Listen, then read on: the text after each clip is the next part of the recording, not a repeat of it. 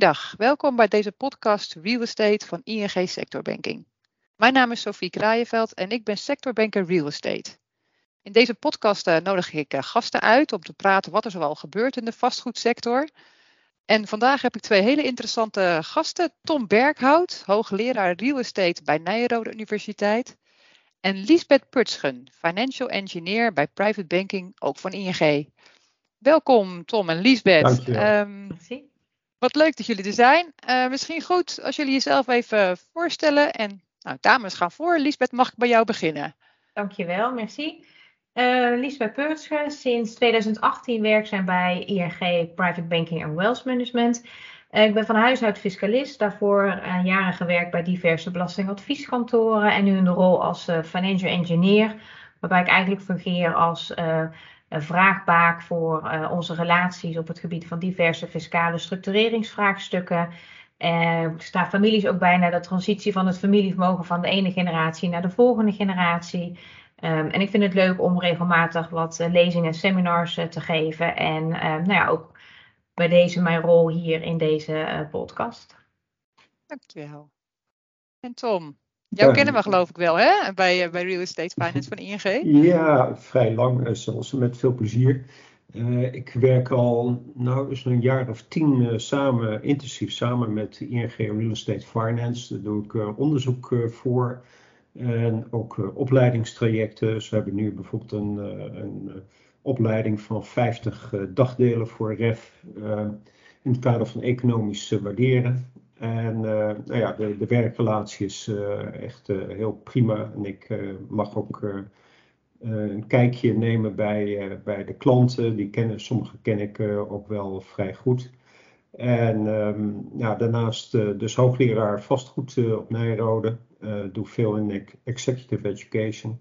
Maar ik ben ook academisch directeur van de Master Fiscaal Recht daar. En uh, ja, ook zeer geïnteresseerd in uh, ja, familiebedrijven, vastgoed in familiebedrijven. Um, dat zijn al mooie onderwerpen waar ik veel over, over spreek. En oh. uh, ja, dus dit is een, een mooie podcast om daarover verder te praten, lijkt me. Zeker.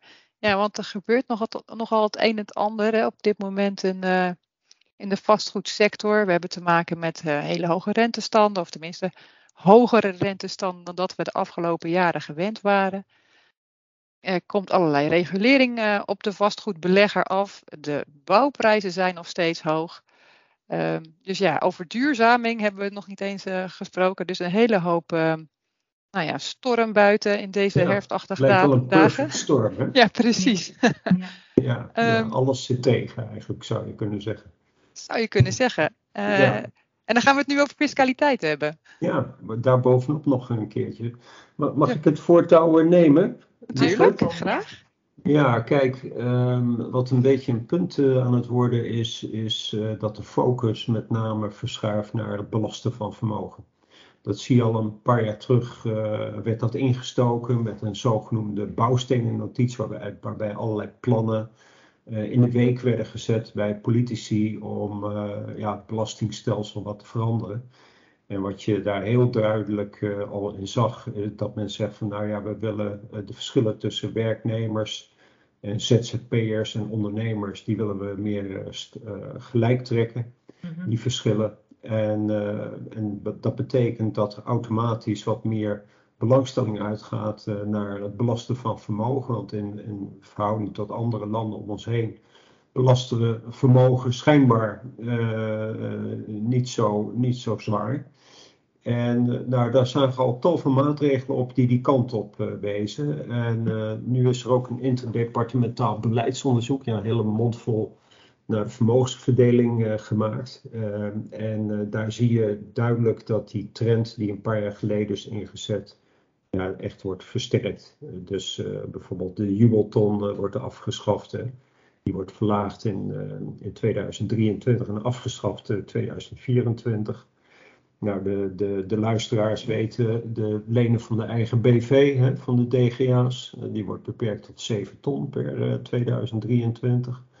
De overdrachtsbelasting, ja, wie nog denkt dat het 6% was, ja, dat, dat, we gaan nu mm. bijna naar het dubbele tarief. Hè. Dus we, we, gaan, we zijn nu op 10,4% uh, aangeland. voor niet-woningen. Nou, dan gaan we in de VPB nog uh, de tarieven aanpassen en de schijven aanpassen. Het aanmerkelijk belangtarief uh, gaat omhoog. Ja, en het box 3 tarief, uh, daar gebeurt ook het nodige. Maar daar zal Lisbeth ook vast wel het nodige van meekrijgen in haar rol. Zeker. Neem ik aan. Ja, ja Wat zie je daar, Lisbeth? Ja. Sorry, ja, het komt allemaal tegelijkertijd. Hè? En dat maakt dat maakt het overzicht in, in wat er dan op die vastgoedbelegger allemaal afkomt. Um, nou, dat maakt het des te nodig om dat overzicht, hè, om, die foto goed, goed te maken. En dat ze dan, uh, nou ja, afhankelijk van welke richting ze op willen en een stukje perspectief naar de toekomst toe, ja, op welke punten ze, ze actie moeten ondernemen of niet. Um, en zeker ook als we kijken ook naar onze relaties, waar ze voorheen natuurlijk in box 3 verondersteld werden een bepaald rendement te halen, heeft ja, de wetgever eigenlijk al, hoe je zeggen, het kabinet een, een doorkijk gegeven naar hoe ze het straks in de toekomst willen. Dat ze veel meer daadwerkelijk behaalde rendement op vastgoed willen gaan, uh, gaan beleggen. Um, maar dat duurt eventjes voordat ze die, uh, nou ja, die contouren helemaal uh, ja, goed hebben of op orde, of in ieder geval werkbaar, uitvoerbaar natuurlijk. En tussentijds worden geconfronteerd met een overgangsregime voor box 3, overgangswetgeving. Ja, waarbij voor het jaar 23 in ieder geval verondersteld wordt dat ze een rendement behalen op een vastgoedbelegging van uh, meer dan 6%. Ja, nou ja, als je naar het verleden kijkt, uh, zijn er eigenlijk maar weinig categorieën waar, uh, waar je die 6% als we het over cash rendement hebt waar je dat haalt. Hè? Dat, dat is al heel erg uh, lastig. Kijk, waardestijging, uh, voor als we praten over bedrijfsmatig vastgoed en woningen. Ja, mhm. waardestijgingen die zijn er wel geweest. Die hebben eigenlijk de afgelopen jaar het rendement gemaakt, ook door die lage rente natuurlijk. Ja. Als we kijken naar winkels en kantoren, ja, dan daar houdt het niet over. Ik denk wel bij de hele grote institutionele beleggers of partijen met enorme grote portefeuilles, dat dat misschien nog wel behaald kan worden. Maar of dat over de hele linie zo is, dat, uh, dat vraag ik me af. En ja, de, de, beleggers die worden dus wel geconfronteerd met weer een forfaitair uh, rendement uh, de komende jaren over de waarde van hun vastgoed. Ja, en dan heb, krijgen ze waarschijnlijk ook nog te maken met rentestijgingen, misschien inflatie die ze niet kunnen doorbelasten aan hun huurders, omdat die anders omvallen of, of ja. wat voor reden dan ook. Ja. Dus daar dienen zich wel, uh, we hadden het zo net al over een perfect storm, daar dienen zich wel wat uitdagingen aan, om het maar zo netjes uh, te formuleren. En wat je ook al zegt, uh, Lisbeth, ja, weet je, een, een, foto op dit moment, ja, dat is een foto, maar juist dit, nu is het moment om eigenlijk twee, drie, vier jaar vooruit te kijken en je af te vragen, ja, wat moet ik nou eigenlijk met, ja. met mijn vastgoed? Moet ik naar box 2 uh, gaan? Of moet ik misschien ja, toch nu beginnen met doorschuiven naar mijn kinderen? En hoe ga ik dat doen? Ja, nou, ja zeker. Ik denk dat zeker die vraagstukken heel relevant zijn uh, nu. En waarbij natuurlijk hè, het vraagstuk van zit ik in de juiste box, hè, waarbij box 3 uitgaat, wat we net al aangaven, een uitgaan, uitgaat van een forfaitair rendement, hè, een verondersteld rendement, ongeacht wat je daadwerkelijk haalt ten opzichte van op het moment dat je je portefeuille naar box 3, of sorry, naar box 2 uh, eh, haalt, of in box 2 je portefeuille opbouwt, word je natuurlijk um, belast tegen het daadwerkelijk behaalde uh, rendement. Um, en zeker ten aanzien van je kasstromen is dat natuurlijk wel uh, nou, wezenlijk anders ten opzichte van het systeem in box 3. Waarbij we als we kijken naar heel veel relaties van ons, die hebben toch een vastgoedportefeuille op een bepaalde uh, wijze gefinancierd. Waarbij met name dan die, die kaststromen echt wel, nou het gaat een beetje piepen en kraken. Als, uh, zeker op het moment als de, als de, nou ja, de rentevastperiode eindigt van een bepaalde financiering. En die rente die gaat omhoog. Um, en de box 3-heffing gaat omhoog.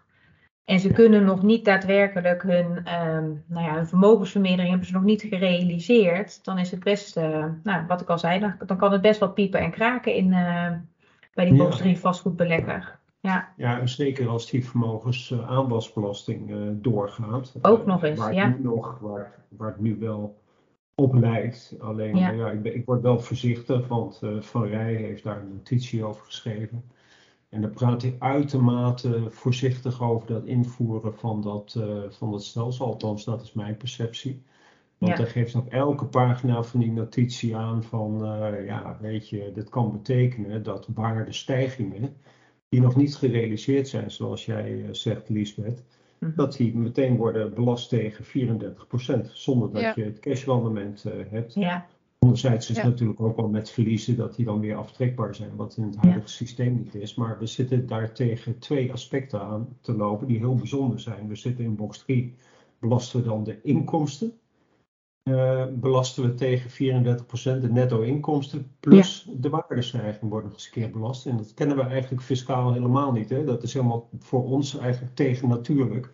Ja. Dat wij als fiscalisten eerst realisatie willen zien. En dat betekent gewoon de zaak is verkocht, er is geld of een vordering ontstaan. En daarmee kun je in ieder geval uiteindelijk de belasting betalen. Ja. Maar nu is het gelijk afrekenen. En 34%, ja, ja dat is toch een behoorlijk percentage. Ja, want als ik even als, als niet-fiscalist, uh, die vermogensaanwasbelasting. Uh, dat is dus een belasting die je zou moeten afrekenen op het moment dat je dus nou ja, nog niets verkocht hebt, maar wel al zogenaamd de waarde. Uh, ja. ja. dat is gewoon het waarde wat je zeg maar passief belegt in, in box 3. Dus dan ben je gewoon, gewoon aan het verhuren, niet aan het ontwikkelen, gewoon puur aan het verhuren, huurders zoeken. Uh, die huurinkomsten in uh, het netjes bijhouden, that's it. En uh, dat, dat is dus ja, een hele verandering, een heel bijzondere verandering, wat we eigenlijk niet kennen in ons fiscale systeem. En dat wordt eigenlijk, dat is dus ook vanuit de politiek geïnitieerd. Hè? De politiek wil dit heel graag. als we kijken naar de, de uitvoeringsinstantie, de Belastingdienst in dit geval, ja, als als je vijf, zes jaar geleden kijkt, dan werd stelselmatig gezegd ja, dit is voor ons heel moeilijk uitvoerbaar. Je liggen enorme uitdagingen, ook op datagebied, waar halen we die gegevens vandaan. Ja. En tot op de dag van vandaag geeft dat Van Rij ook aan. Maar het, het is zeker niet van tafel. Uh, het zit in het verschiet en dat maakt ook dat ja, een hoop beleggers, zoals ik in het land uh, ben en ik praat met ze, dat die gewoon toch ja, zich afvragen, wat moet ik nog in box 3 eigenlijk? moet ik niet naar box 2. Maar ja, dan loop je ook tegen problemen aan. Dan moet je overdrachtsbelasting, je gaat in je eigen BV ga je overbrengen. Ja, toch 10,4 procent. Ja, is dat nou zo fijn? Dus het, het vraagt hier wel heel veel rekenwerk. Uh, om te kijken van is dit gunstig voor mij op de lange termijn, ja dan nee. Heel veel tactiek uh, zit erbij. Wat proef jij daarvan, uh, Lisbeth? Heb je, heb je veel dit soort vragen? Krijg jij of ja. of niet? En het liefst willen ze, willen ze eigenlijk gewoon één heel simpel antwoord. Van nou, vanaf dit ja. verondersteld rendement zit je goed in box 2. En vanaf dit rendement, alles daarboven, moet je naar box 3. Maar ja, zo eenvoudig is het, uh, is het ook nooit geweest. Ook niet heel erg. Hè? Maar dat was wat meer te beredeneren eh, dat vanaf een bepaald percentage je in de juiste box zou zitten. Um, maar nu is het natuurlijk tot 26 hebben we die overgangswetgeving. Nou, dan kan je best op basis daarvan kan je een bepaald omslagpunt berekenen. Maar vervolgens weten we nog niet wat er na 26 of vanaf 26, 2026 gaat plaatsvinden. Nee, te veel variabelen. En de opstapjes in de VPB-tarieven en ook voor het AB-tarief. Um, Nou ja, je moet heel veel mitsen en maren, denk ik, um, meegeven aan relatie. Ehm, en dus kan je eigenlijk niet met een concreet, uh, concreet getal komen. nee, je zult ze echt mee moeten. Ja. En wat ik ook wel bij de refers, uh, wat, als ik zo de klanten even mag noemen, oneerbiedig, wat ik bij de refers uh, merk, dat is dat, ja, dat toch dat de overdracht naar de kinderen, de volgende generatie, speelt een belangrijke rol. En ja, daar is nu ook in, die, in, die, in, die, uh, in dat beleidsonderzoek uh, wordt ook gesuggereerd om die, die bedrijf, gunstige bedrijfsoverdracht, uh, bedrijfsopvolgingsregeling, om die gefaciliteerd te houden voor vastgoed, dat die er eigenlijk uitgesloopt wordt. Daar is heel veel over geprocedeerd. En uh, de stand van de rechtspraak, maar goed, als je adviseurs erover spreekt, die kijken er weer heel anders tegen dan Lisbeth en, misschien ik. Dus hier zijn er grote ja, uh, verschillen in inzichten over mogelijk. Maar de lijn bleek toch wel te zijn dat de, de enkele verhuur van vastgoed geen onderneming oplevert. Ja, en dat lijkt nu ook in de wet ook zo vastgelegd te worden. Dat moet het kabinet nog beslissen. Dat betekent eigenlijk ja, dat, uh, dat je uh, ja, dat box 3 vastgoed, ja, dat helpt niet uh, om gefaciliteerd uh, vastgoed over te dragen naar je kinderen. Dus daar, daar zul je toch iets, iets anders voor moeten verzinnen. Ja, of, of de, puur de belasting voor lief nemen die dan geheven wordt als er dus een incident is, een incident, een nare overlijden of, of schenken. Ja. het is misschien nog wat, wat, wat mooier, dan gebeurt er nog met een warme hand. Uh, en ja, dat, dat, dat is een hele lastige voor, voor veel beleggers op dit moment. En daar is ook niet zomaar aan, aan te ontkomen, ja. lijkt me. En Tom, betekent dat in jouw ogen dat op het moment dat er uh, gecodificeerd gaat worden, hè, dat de verhuur van onroerend goed niet kwalificeert voor die bedrijfsopvolgingsregeling, hè, dus dat, dat het niet kwalificeert als zijnde een onderneming en het hebben van of het het voeren van een onderneming is een van de voorwaarden om toegang te krijgen tot die bedrijfsopvolgingsregeling. Een andere zware, het is misschien aardig om even te, aan te geven, een andere zware voorwaarde is dat degene die vervolgens uh, deze onderneming krijgt, uh, ook vijf jaar lang die onderneming moet voortzetten ja. uh, in, de, in diezelfde hoedanigheid om en nabij. Maar zou dat betekenen dat uh, ontwikkeling van vastgoed, dat dat dan misschien in een ander perspectief komt te staan? In de zin nou, van dat. Als je, ja, als je kijkt naar de fiscale literatuur, hè, wat daar gesuggereerd wordt, daar, daar wordt eigenlijk gezegd, nou, uh, de wetgever kan met een, een simpele draai en een knop, uh, kunnen ze de, de ergste problematiek eruit halen. En dat betekent gewoon dat er in de successieschenkingswet wordt bepaald de verhuur mm -hmm. van vastgoed of het ter beschikking stellen van vastgoed aan derden. Is geen onderneming. Punt. Mm -hmm. En kijken naar het ontwikkelen, uh, et cetera, et cetera. Daar heb ik nog niks van gezien dat men daar een uh, probleem nee. mee heeft. Dus het ontwikkelen van vastgoed, dat zou nog steeds een onderneming zijn. En dit speelt niet alleen bij box 3, hè, ook, in een B, ook in een BV. Als je aandelen van, uh, van een BV zou willen schenken of als die vererven kijkt men ook in de, in de BV naar de activiteiten daar, of er sprake is van verhuur of ontwikkelen. Dus ja. daar, dat speelt op meerdere, op meerdere ja. fronten.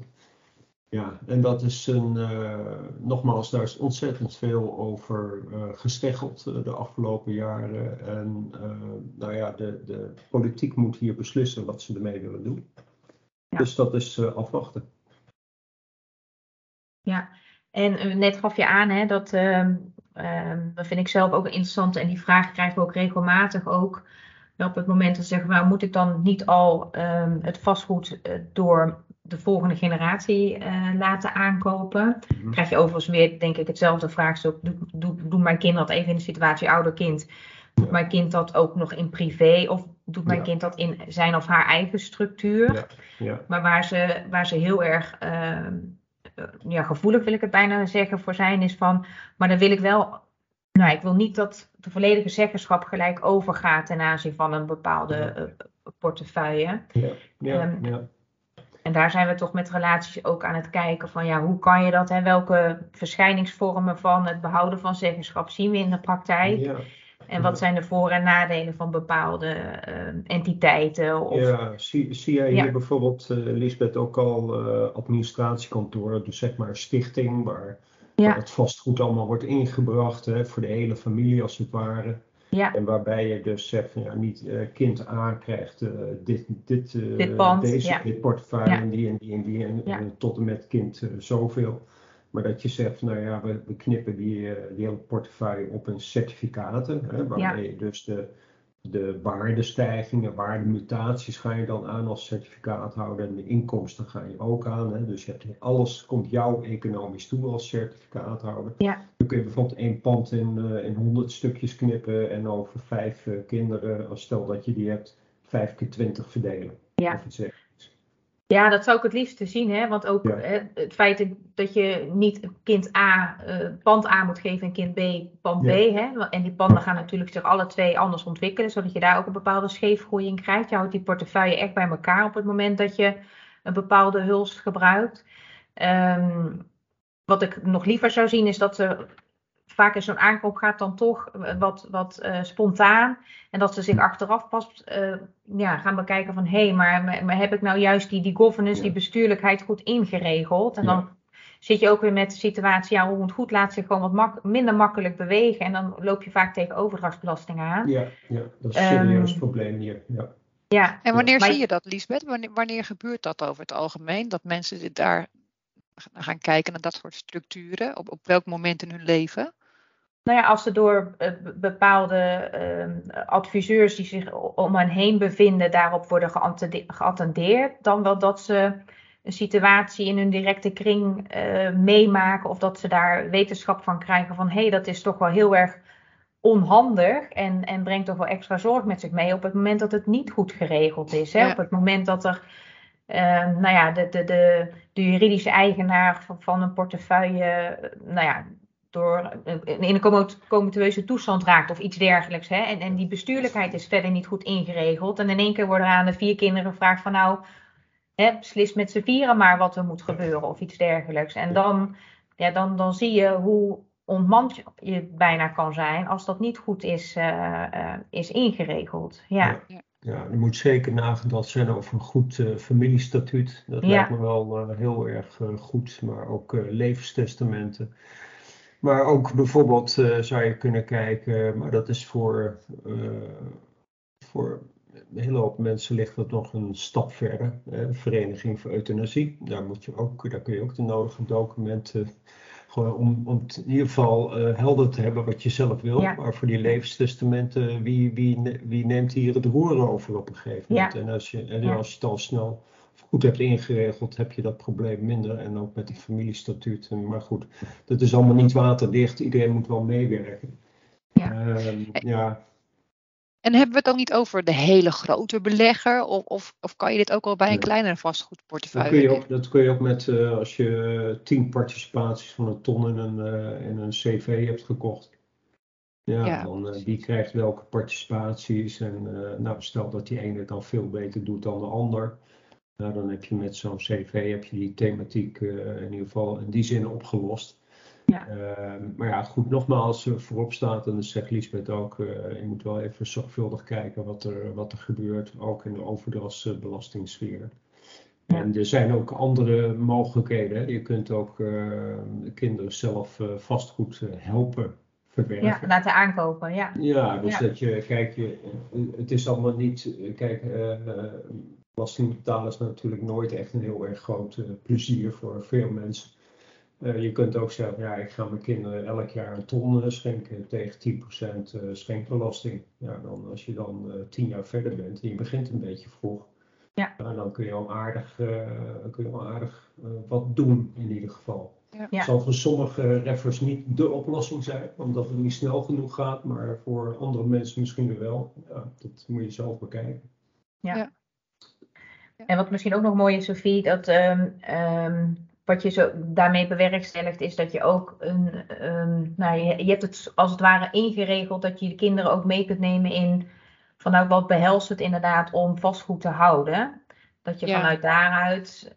Nou ja, ziet als een soort opleidingstraject of zo. Opleiding. Ja. Ja. ja. dus dat je ze heel nou ja, per certificaatje bewijzen van uh, wat meer uh, belang, maar ook wat meer nou ja, zeggenschap of, of inspraak kunt, uh, kunt geven. En ook wat Tom net aangeeft vanuit dat familiestatuut, hè, van ja, vanaf welke situatie of vanaf welke leeftijd word je daarin meegenomen en, en komt daar steeds meer, uh, nou ja, eigen bevoegdheid, maar ook een eigen inzicht bij kijken. Hè? Want het is natuurlijk niet zomaar gezegd dat bij wijze van het vastgoedinzicht van vader, dat dat één op één moet overgaan naar de, naar de, naar de het inzicht uh, van de kinderen. Al was het alleen maar omdat natuurlijk de tijd heel anders was dan toen vader begon.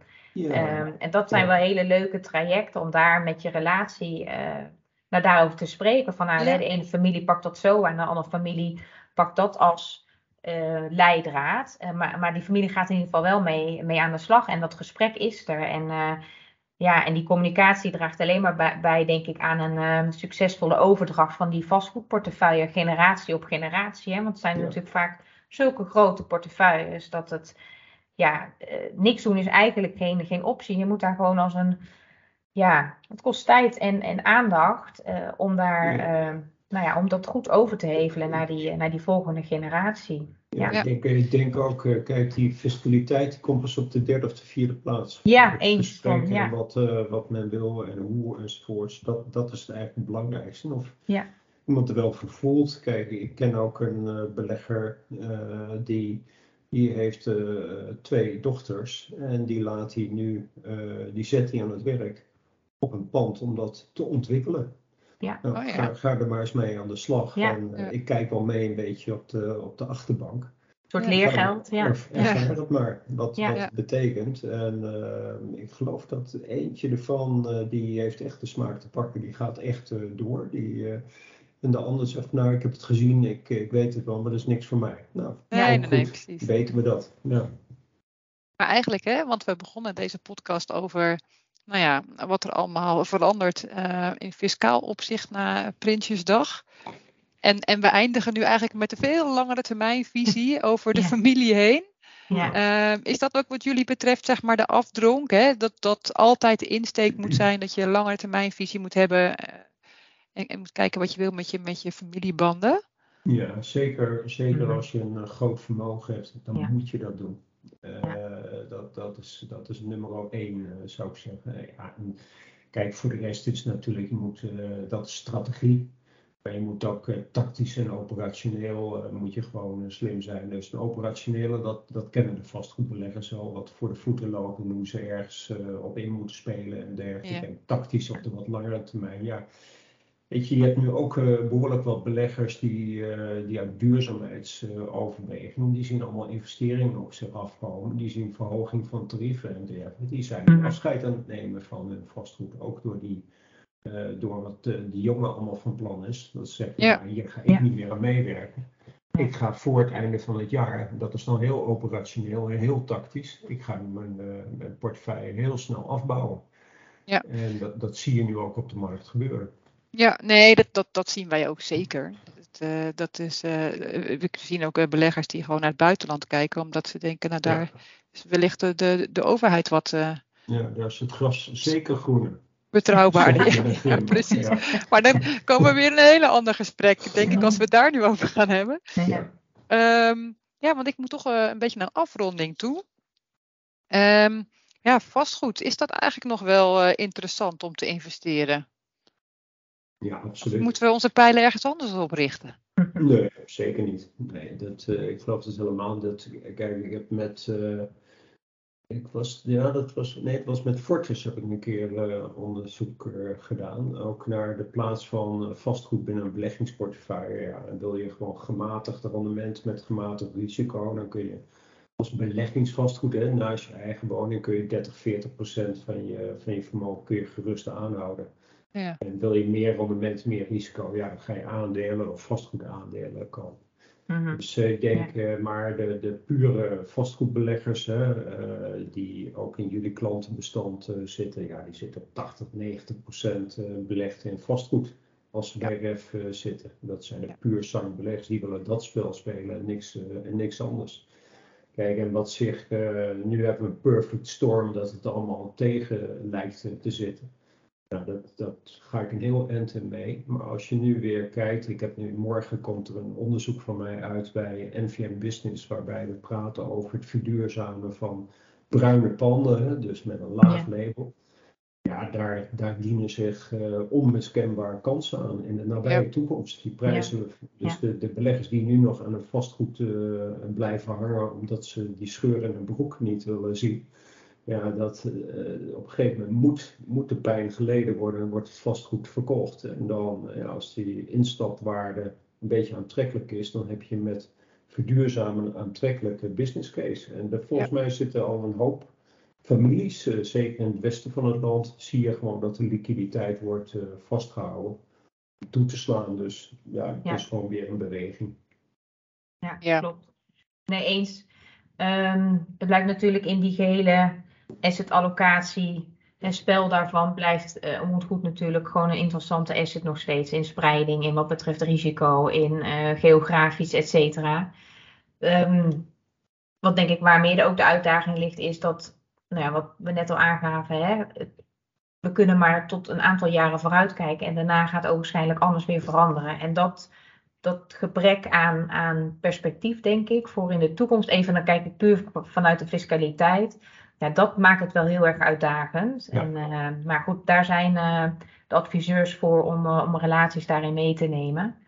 Ehm, Maar dat het Ja, past in, eh, in, Ja. je, in je spreiding, zeer zeker. Ja, Hartstikke goed. Ja, maar ik denk ook, weet je, de, de vastgoedbeleggers zijn doorgaans eh goede kooplui. En eh, Ja. die, die, die kijken toch eerst wat ze zelf willen. En dan kijken ze, ze laten zich zeker niet eh, regeren door fiscalisten. Dat is misschien ook maar beter ook, hè, Lisbeth? Ja.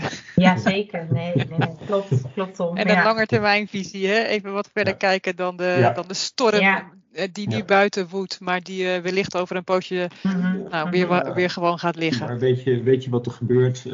Dat bleek ook uit onderzoek wat we voor ING hebben gedaan, vijf jaar. Vijf Ja. jaar lang we- hebben we vijf jaar lang 120 beleggers geïnterviewd. En ook tijdens de financiële crisis. En wat je daar heel duidelijk zag, is dat die beleggers, zodra zich zo'n periode als nu aandient, dan gaan ze op hun geld zitten, op liquiditeit, om Ja. in ieder geval eh, eh, ING te kunnen betalen, hè, dat er Ja, daar ja. geen problemen komen. En ze weten vanzelf alweer van nou, over drie, vier jaar komt, eh, trekt alles wel weer aan. En ja, zo is het ook tijdens de laatste keer gebeurd. En nu zal het ook wel weer zo gaan. Ja. Moet Dat alleen geloof even ik wachten. ook. Dat geloof Dus ik zitten, ook. zitten op de blaren. Zitten, op, zitten Ja. op het geld, zitten op je handen eventjes. Hè? Ja, Ja. en stil zitten als je geschoren wordt. Hè. Zo is het. Ja. Ja. Het lijkt me een mooie afsluiting. Eh Liesbeth en Tom, ontzettend bedankt eh, voor dit gesprek. Graag gedaan. Graag gedaan. Eh, nou ja, en eh, wellicht tot de volgende keer. Dag.